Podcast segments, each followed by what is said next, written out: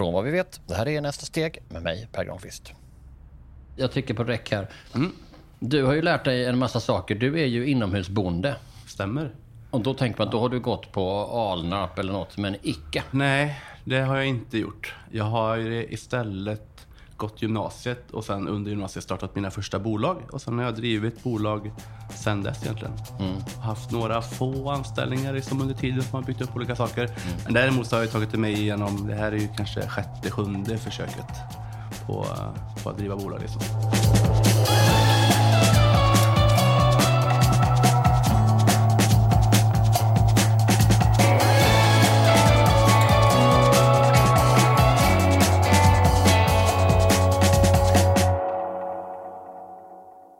En sak jag har lärt mig under de fyra år som gått sedan jag själv blev företagare är hur mycket jag har lärt mig. Om man gör en hel del misstag har man förstås också en fördel. Ja, I alla fall om man lär sig något av dem. Men hur lär du dig grejer då? Jag har ju väldigt svårt, inte väldigt svårt, men det ger mig absolut ingen energi att lära mig saker för att jag måste. Men däremot att snöa iväg på någonting som jag blir väldigt, väldigt intresserad av, då kan det ju gå, timmarna gå fort. På vad vet är vårt mått att man ska lära sig något nytt varje dag. Och det gäller både våra kunder och oss själva. För att bli en bättre företagare har jag sökt råd och hjälp för att förstå saker. Jag har ständigt olika företagarpoddar och entreprenörspoddar och startup-poddar Örnen och jag har anmält mig till lite olika nätverksprogram för att försöka fördjupa min kunskap inom olika områden. Men kan man verkligen lära sig en hel bransch, ett helt yrke genom att bara söka på nätet? Erik Lundgren är som sagt inomhusboende. Det där är mina ord, för han har en annan titel som egentligen är finare, men det är det han gör. Han odlar sallad inomhus i en gammal möbelfabrik i Tibro. Så det är till Tibro jag har tagit mig för att försöka förstå hur han lär sig nya saker. Så generellt så har jag hittat någonting som faller in i det jag är intresserad av och sen bara eh, försökt bilda mig en uppfattning om hur fungerar det här, vad händer? Eh. Erik berättade att intresset för inomhusodling började när han såg en Kickstarter-kampanj om att odla inomhus. Det var ett system som heter Zipgrow och består av ett modulbaserat odlingssystem med vagnar av lite olika slag. Och Erik berättade att han köpte några av de här vagnarna och det var så de började odla. Så att man liksom börjar på en väldigt konceptuell nivå och förstår att är det här någonting jag är intresserad av? Ja, det här är skitintressant. Det ligger precis i linje med det jag är intresserad av. Och då är det inte svårt att sitta flera timmar och läsa på. Liksom. Fast egentligen började intresset ännu tidigare än så. Salladskrisen 2017. 2019 då hade vi en jättestor kris i Sverige som ingen kommer ihåg överhuvudtaget. Men det var den stora salladskrisen, så vi hade ungefär 3-4 veckor, det var tomt på hyllorna. Och salladspriserna gick upp 2, 3, 400 procent och man flög hit sallad från USA. Och det var på grund av att det var ett antal frostnätter, en riktig köldknäpp i både Italien och Spanien då. Där majoriteten av all sallad kommer ifrån.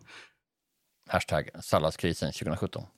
Jag tror de flesta har förnekat den och liksom lagt det där bakom sig nu. Men, eh, ja, men det, var, det var stort. Det hade inte hänt så. Det var, liksom, det var första gången som det på riktigt påverkade hyllan för konsument. Någon form av klimatförändring som man inte har sett på många, många år. Då. Och då har du följt det här Kickstart-projektet och så kommer The Big Salad Crisis. Ja, och sen tänker man att okej, det där hade ju inte hänt om vi hade odlat i ett garage i Tibro. Och så börjar man göra det bara. Nu kanske vi ska definiera, naivt, när du säger ja. att man tänker så tror jag att det är lite brett. Ja, ja, jag tror är faktiskt det, det bara var du som Ja. tänkte det. Och det är väl det som är eh, förbannelsen, eller vad man ska kalla det. Kanske det som gör att jag sitter här idag. Att man tänker det och sen gör man det också. Mm. Just De det. flesta kanske tänker det och tänker att det där vore kul att göra någon gång. Medan det vi var att men det där borde nog funka. Nästa lördag så bygger vi det där i ett garage då, så får vi se vad som händer. Så lite så har det Vad varit. blir då nästa sökning? Eh, Garage ja, och bygga företag? Är det liksom... Ja, det här har ju varit samma också. Då, då sitter man ju där med det här framför sig och sen måste man förstå hur det fungerar också. Så vi åkte ju bokstavligt talat, okej vi behöver jobba med artificiellt ljus, googlade lite, det finns ett bolag som heter Helios Spectra i Göteborg. Eh, Min eh, medgrundare Magnus åkte ner dit, knackade på utan att ha bokat och möte någonting och sa att vi ska börja odla inomhus och då behöver man lampor och ni har lampor. Eh, och kom ut därifrån med en lampa under armen. En väldigt dyr lampa då. Och sen eh, kom, fick vi med den eh, tillbaka, satte upp den och sen var det nu då. Och då blir nästa steg så här, hur jobbar man med Ja, vad blev nästa steg?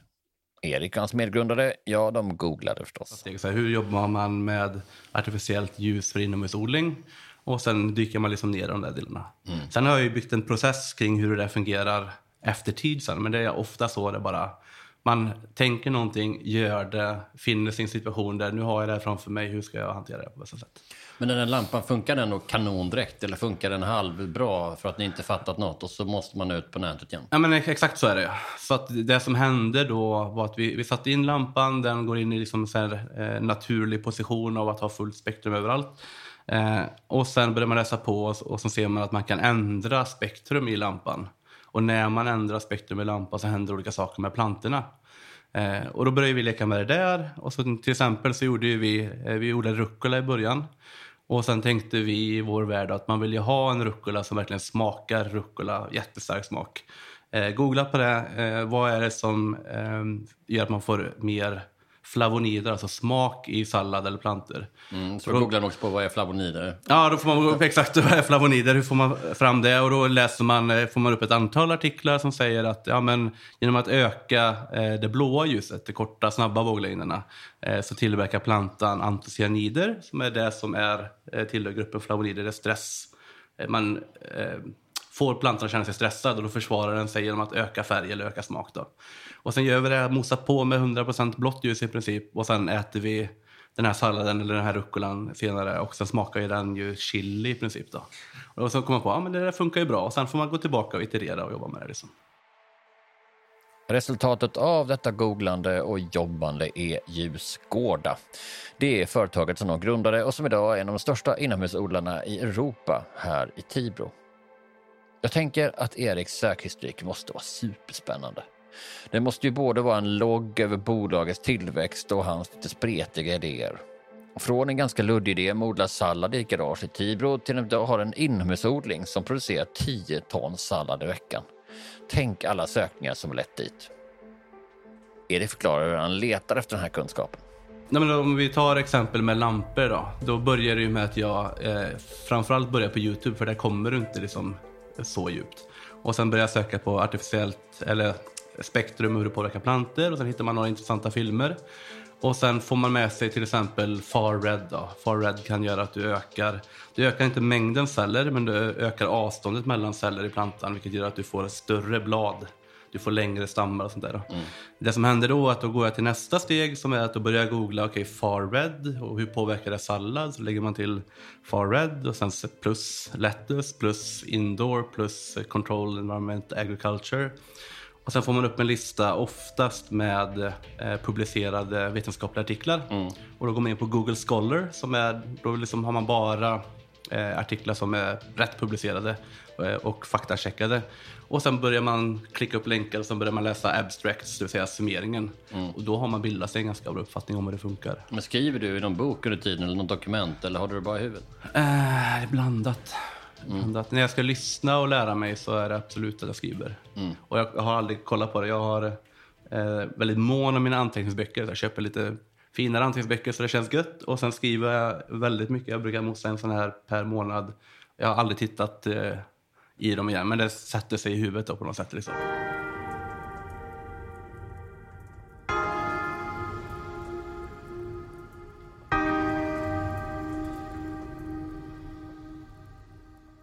Mm, det verkar alltså som man kan lära sig ett helt yrke genom att googla sig fram till det. Det har inte funnits några inomhusbönder som odlat sallad i så stor skala som ljusgårdar gör och då är det svårt att fråga någon som vet. Alltså googlar man olika sorters information man har nytta av. Eh, har du ett också tolerans för att andra lär sig på andra sätt eller är din go-to alltid så här, det är väl bara att googla? Nej, jag har nog inte, jag har aldrig tänkt på det så. Jag har ingen, jag blir inte triggad av att någon annan behöver lära sig på något annat sätt. Det är bara att det blir väldigt tydligt för mig att det är nog häråt vi borde röra oss mm. Eh, baserat på det. Där. Och sen Men jag tänker, det kan vara frustrerande att jobba med dig om, man liksom, om ditt svar alltid är googla. Ja, nej, det tr tror inte. Jag vet inte. Vi, ska, vi får fråga någon som jobbar på bolaget. Men jag tror inte man har fått den eh, från mig på det sättet. Nej. Jag har ju också då datan på allting. Så om argumentationen väl kommer, då har ju jag sparat tio stycken artiklar som påvisar tesen. Liksom. Just det. Eh, så att det har, jag tror det funkar ganska bra. Det är ju intressant med hur man värderar kunskap. Att gå på ett universitet och lära sig saker är fint. Att gå på ett fint universitet är ännu finare. Chalmers är alltså finare än Högskolan i Halmstad. Att ta en MBA ja, det bland det mest prestigefyllda man kan göra och då helst i Stockholm eller på något amerikanskt universitet. Ja, det behöver inte ens vara ett så känt amerikanskt universitet utan något som folk knappt hört talas om. Men folk blir liksom impade ändå. Man kan läsa en MBA på Blue Plate University och så kommer svenska automat att bli som tycker det där jojo. Eller nej, det kan man inte för Blue Plate är faktiskt inte universitet. Det finns inte på riktigt så jag hittade på det nu. Blue Plate är en majonnäs. Jojo, på riktigt. Nothing perks up the flavor of food like Blue Plate mayonnaise. Blue Plate, spread the legend. Hur som helst. Vi värderar alltså kunskap baserat på hur man lär sig saker och var. Sitta stilla på universitet? Fint. Sitta i soffan i Tibro och youtuba sallad? Inte så fint. Och jag fattar att det förstås har att göra med betyg och bevis. Det är fint att någon annan säger att du lärt dig något än att du hävdar att du kan något själv. I universitetshuset i Uppsala står en devis i gyllene bokstäver över ingången till aulan. Tänka fritt är stort, men tänka rätt är större. Vad som egentligen menas är föremål för debatt men på väg in till aulan tolkar många i alla fall här som att man måste kunna de rätta svaren för betyg. Man kan inte bara svamla ihop något lite fritt. Examen är ju viktig i många sammanhang. Man vill inte ha en doktor som lär sig det mesta själv. Det känns inte säkert att anlita någon som läst en eller två böcker för att fixa elen i lägenheten. Man vill ha någon man litar på och den personen ska helst ha fått intyg från någon som är ännu bättre på det här ämnet och som säger att ja, den här personen hon kan verkligen sina grejer och skriver ut ett intyg. Och ju finare ställe som utfärdar de där intygen, ju bättre. Såklart. Det är ju bland annat därför folk går de amerikanska NBA-grejerna. För att de vill signalera att de minsann fått en amerikan att säga att de är bra. Men som sagt, var vaksam om någon hävdar att de har examen från Blue Plate. Blue Plate, spread the legend. Jag undrar vad som driver Erik och vad hans googlande kommer att ta honom. Är han nöjd med att odla sallad? Eller vill han gå vidare och odla annat inomhus? Ja, vad googlar han på nu? Mer om det efter det här.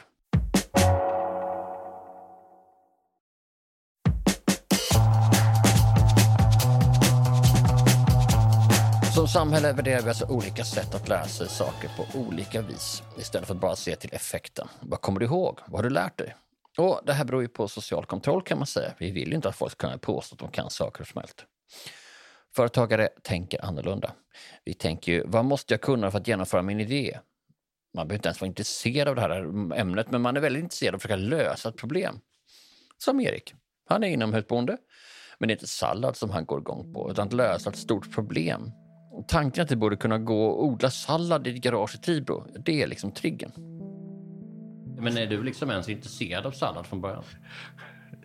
Jag borde ju säga ja här nu, men nej. Det är, jag, inte, jag har inga gröna fingrar, jag har inte jobbat så mycket med odling tidigare. Eh, sen är det ju eh, jackpot när man hittar en produkt som funkar bra i systemet vi har, där det finns väldigt mycket att göra. Det vill säga den salladen som står på hyllan idag är både dålig ur ett konsumentperspektiv. Den håller inte, det är liksom inte smak, det finns näring att jobba på. Mm. Och där det också finns en väldigt snabb vinst att hämta i att göra det på ett hållbarare sätt. Om vi tittar på hur, var salladen kommer ifrån som vi konsumerar idag. Då. Så att där är stars align lite och då blir det väldigt enkelt att driva på liksom kunskapsbyggandet där. För att det känns som att man checkar många viktiga boxar. Liksom. Just det, men grundidén är helt enkelt att det här finns ingen sallad i hyllan, vad dumt. Nej, det där är ju triggen, katalysatorn ja. i det ja. hela. Liksom. Eh, Okej, okay, det där kommer ju vara ett, men det är också så här makroperspektiv.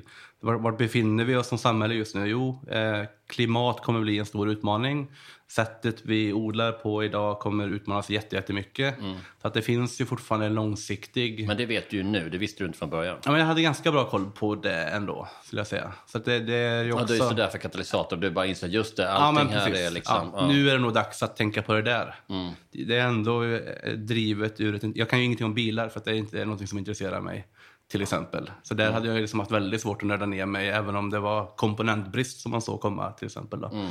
Men just det här området ligger ju i linje med och är en röd tråd genom liksom livet generellt vad jag värderar högt. Mm. Då blir det lätt att liksom gasa på där när väl katalysatorn kommer att okej okay, nu händer det här, nu är det nog dags att börja titta på det. Men i tidigare och Erik har tittat, han har tittat mycket. Han har gjort det väldigt brett och googlat djupt.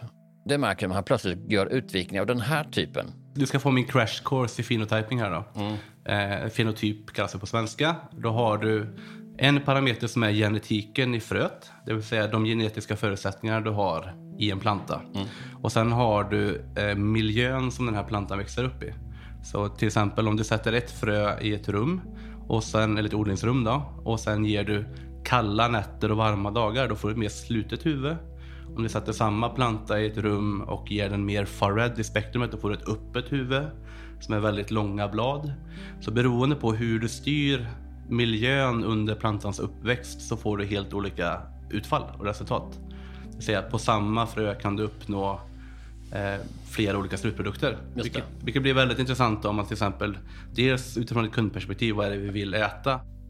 En anledning till att så många företagare googlar efter kunskap eller spenderar tid på att kolla videos och poddar är förstås att de försöker sätta samman ett kursprogram som inte finns. Om tio år kanske den här kunskapen kommer vara en del av en kurs. Den kommer nog stå i en bok eller läras ut på ett MBA-program till och med.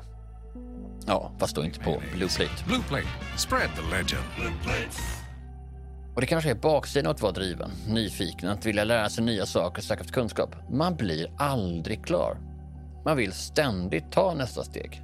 Slutmålet är ju inte att när vi är färdiga med sallad, då är vi nöjda och sen ska jag börja nörda ner mig i nästa grej. Utan det är när vi har blivit eh, tillräckligt duktiga på att bygga ekosystem så vi kan ersätta eh, våra naturliga ekosystem, det vill säga låta dem vara som de ska vara eh, och oss flytta in den belastande inomhus istället.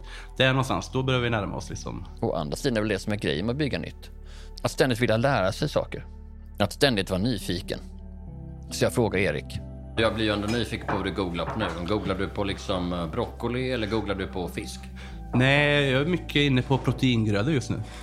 Om vi kollar på köttanaloger och sånt här. Om vi tänker på vart jag ser nästa steg då. För att det, det vi börjar bevisa har kommit en bra bit på nu är ju en typ av gröda som vi konsumerar. Eh, nästa stora belastande del som vi också skulle kunna använda samma typ av teknik på är ju till exempel proteingrödor. Då. Där har vi en stor del av eh, påverkan, klimatpåverkan som kommer från traditionell odling kommer från foder till exempel för att göra djurhållning. Så att det finns ju både bättre foder du kan titta på men framförallt hitta liksom plantbaserade alternativ till proteiner. Konstaterar Erik Lundgren på Ljusgårda i Tibro som lärt sig det mesta själv.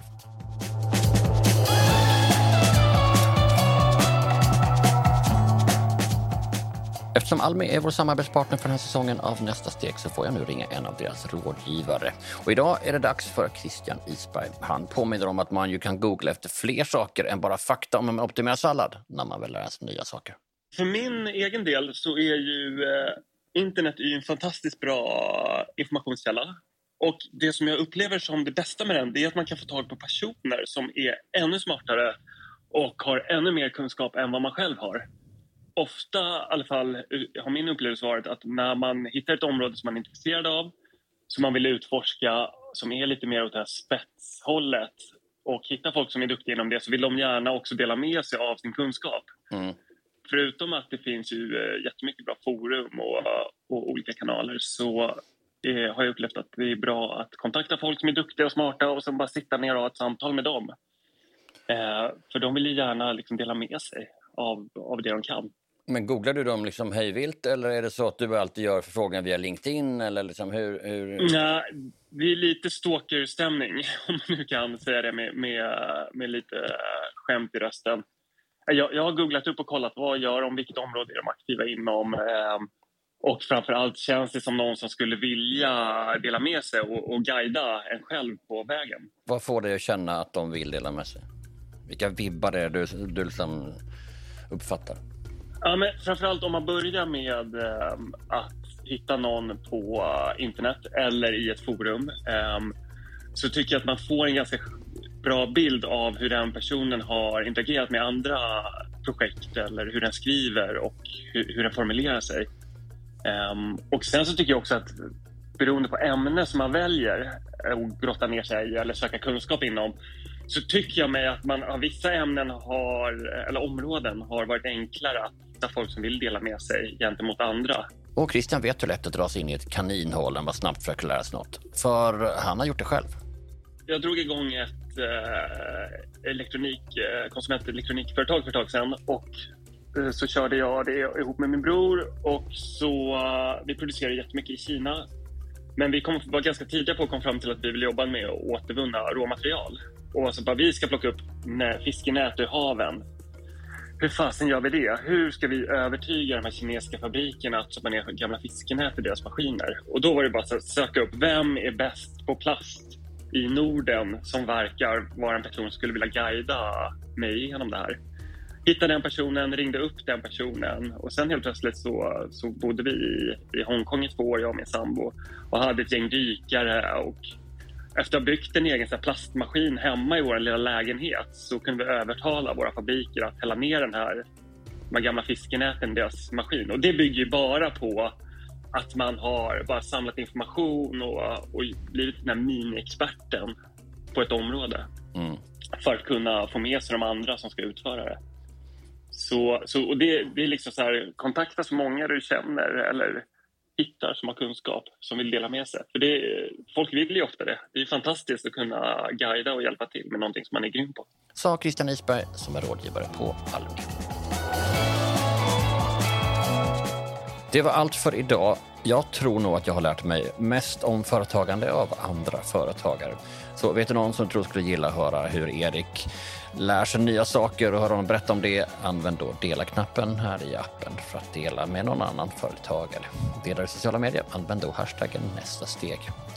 I nästa avsnitt, ja då får du höra ännu en företagare som tar steg framåt och kanske är det just det steg som du funderar på nu. Följ på den här appen för att inte missa det. Dagens avsnitt klipptes av Jens Back och produceras av mig, Per Granqvist. Hanna Kindvall och Sara Lundgren har hjälpt till med redigeringen också för våra sociala kanaler. Radio Studios stod för mixningen och tack också till Eva Dahlberg. Till nästa gång, ta hand om dig och googla ständigt nya saker.